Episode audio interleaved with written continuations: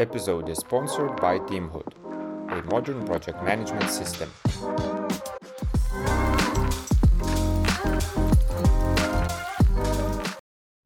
Hello everyone, uh, we are here in Agile Day Kaunas 2023 and uh, together with me there's uh, Ilija. Hello Ilija. Hello, hello, Kaunas. Hello, Lithuania. Glad to be here with you. Yeah, uh, well, I know that it's not first time in Lithuania you are, I guess. Uh, maybe you can just briefly mention uh, what else of the occasions you're visiting Lithuania?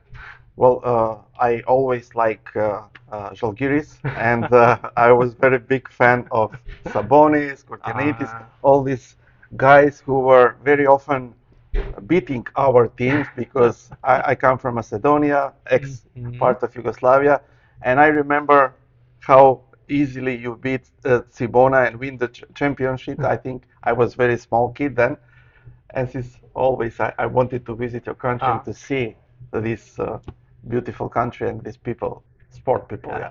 Cool, great. Yeah, it's, uh, then it seems that uh, it was from the long time ago you, Yeah, you knew yeah. about Lithuania, you want to want this. Yeah. And uh, this is the first time Agile, you're visiting Agile Day? Yes, yes. I'm first time for this uh, event, Mhm. for with uh, invited from Agile uh, Lithuania, and first time in in Kaunas as well. Yeah, cool. Uh, and uh, yeah, it's open space. We have a workshop. We have open space part, and uh, you even facilitated uh, one of the discussion. Uh, Yeah. So uh, we, I, I, I was in that open space part, which we just talk about uh, psychological safety. Mhm. So, uh, and there was your question: Can we even reach this psychological safety, Mhm. or maybe it's a utopia? Is it Uh, utopia? Is it myth or something that maybe we can uh, make it happen? Because I think agility cannot work without psychological safety. Yeah. And uh, actually, it's on us, uh, team members, to find a way what uh, levels of empowerment we can take from the Mhm. organization, from managers. Uh, of course, there will be some negotiations. Of course, there will be a lot of probably failures, mistakes in this journey. But we need this support so we can uh, learn, we can grow, we can be part of this decision-making process and implement any change that top management or organizations are demanding from us. Yeah, and we had a really nice discussions. Like, uh, you know, again, is it is it reachable? How long it can take? Because again, uh, one of the participants said like it could take uh, even up to four months. But it's uh, not uh, the team psychological safety, but more that she felt safe and the team, uh, you know, felt safe while she was present in that side. Mhm. But I guess this this topic covers even more than you know, it's, it's uh, only one person joining the team, but does the team still feel safe in the terms of you know uh, openly discuss what's happening in the company Mhm. uh, about those bigger changes and stuff like that? So it's it's uh, I know again from your surrounding, is it possible? yeah, I, I think actually it, it, it is possible, uh, but it needs a lot of creativity from our side.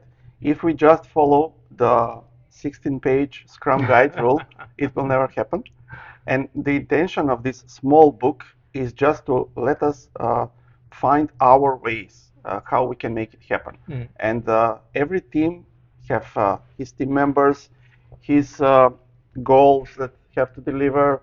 Uh, we are building our own culture inside our team, our rituals, our way of working, and I think that uh, everybody else who will join our team, if he is um, similar to our values, to our culture, to our way of working, he will be very welcome and included, and then together we can make all these uh, things happen. Hmm. Otherwise, if we wait for everything from managers, from the the boss, uh, the owner, of course, that it will never Yeah. never happen. Yeah. I think we, we all of us agree that you know that this to reach the fastest and the most uh, you know efficient way it should be both from top down Mhm. this this approach that we need to focus on this Yeah. and of course button up so you should not wait oh I wait for the I know CEO or someone from the top manager will say now let's do like this and okay now we will just blindly follow we we all agree that we need to create our own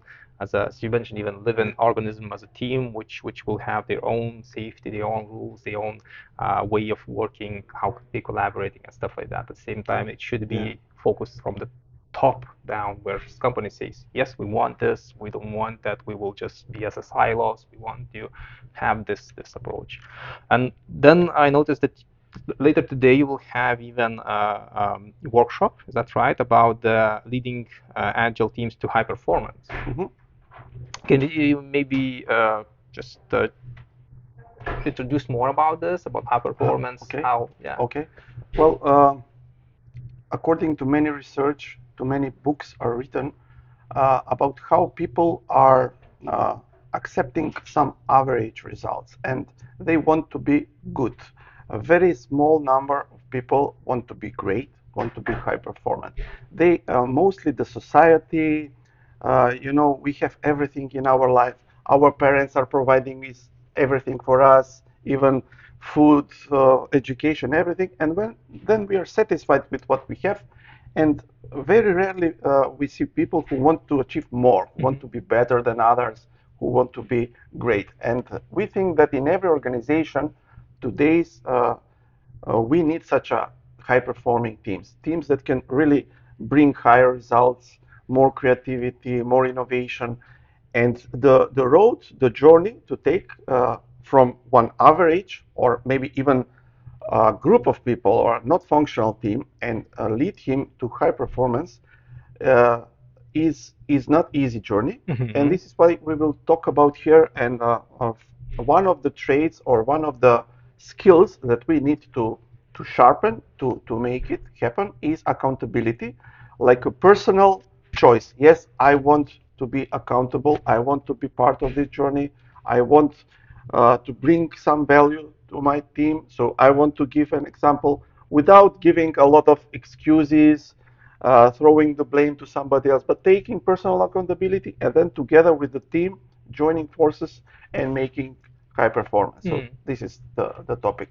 Yeah. So again, uh, when we while we're speaking about accountability, this again relates to the psychological safety. So Mhm. it, it's really the, the thing which we just uh, you know talk in the group as a open space part. Uh, it, it it should be in, in- included in this I guess workshop about high performance teams. That's So right. they are in correlation according to science, according to a lot of research.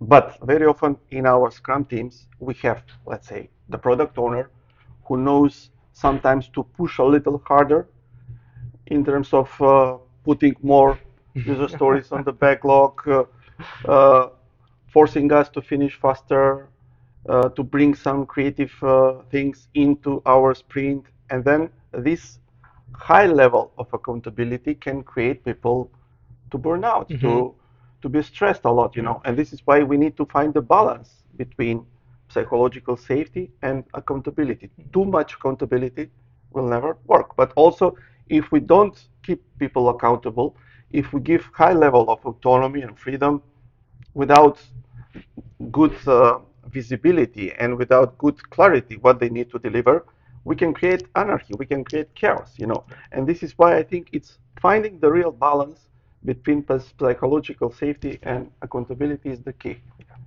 Cool.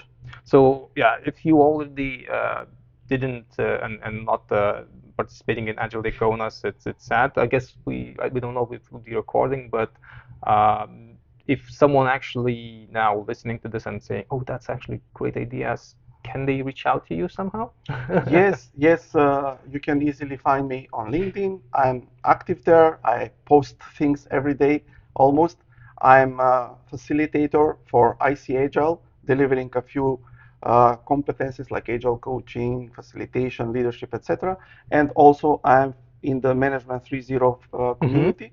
So you can find me in both these two known uh, Yeah. addresses. So yeah. Cool. Um, and yeah, uh, it's it's still like morning, let's say, still not even lunch. Uh, so maybe we didn't even saw everything which which Agile Day Kaunas will offer to us. But uh, how it's this morning, how we see, how is the organized, how's the everything? What what's your feedback about this? I, I can give all, all the uh, best uh, comments and feedback about the organizers. So first, the place, it's really great that this uh, building, all the rooms that we have and all the equipment that we have. And I like a lot the positive intent and energy Mm. of, of the people. uh, willing to, to speak, to join, uh, to share knowledge. So I think it will be amazing event. Yeah. Cool. Thank you, Ilija. So let's go back to the you know the place where everything happens. We have in the right uh, in the you know cozy, uh, quiet corner of the sofa. Yeah. So let's get back to the Agile Day and thank you everyone who uh, will listening to this. And uh, yeah, reach out to Ilija or me if you want to uh, know more about Agile Day or about the topics which we just covered. Yes, thank you. Thank you you much.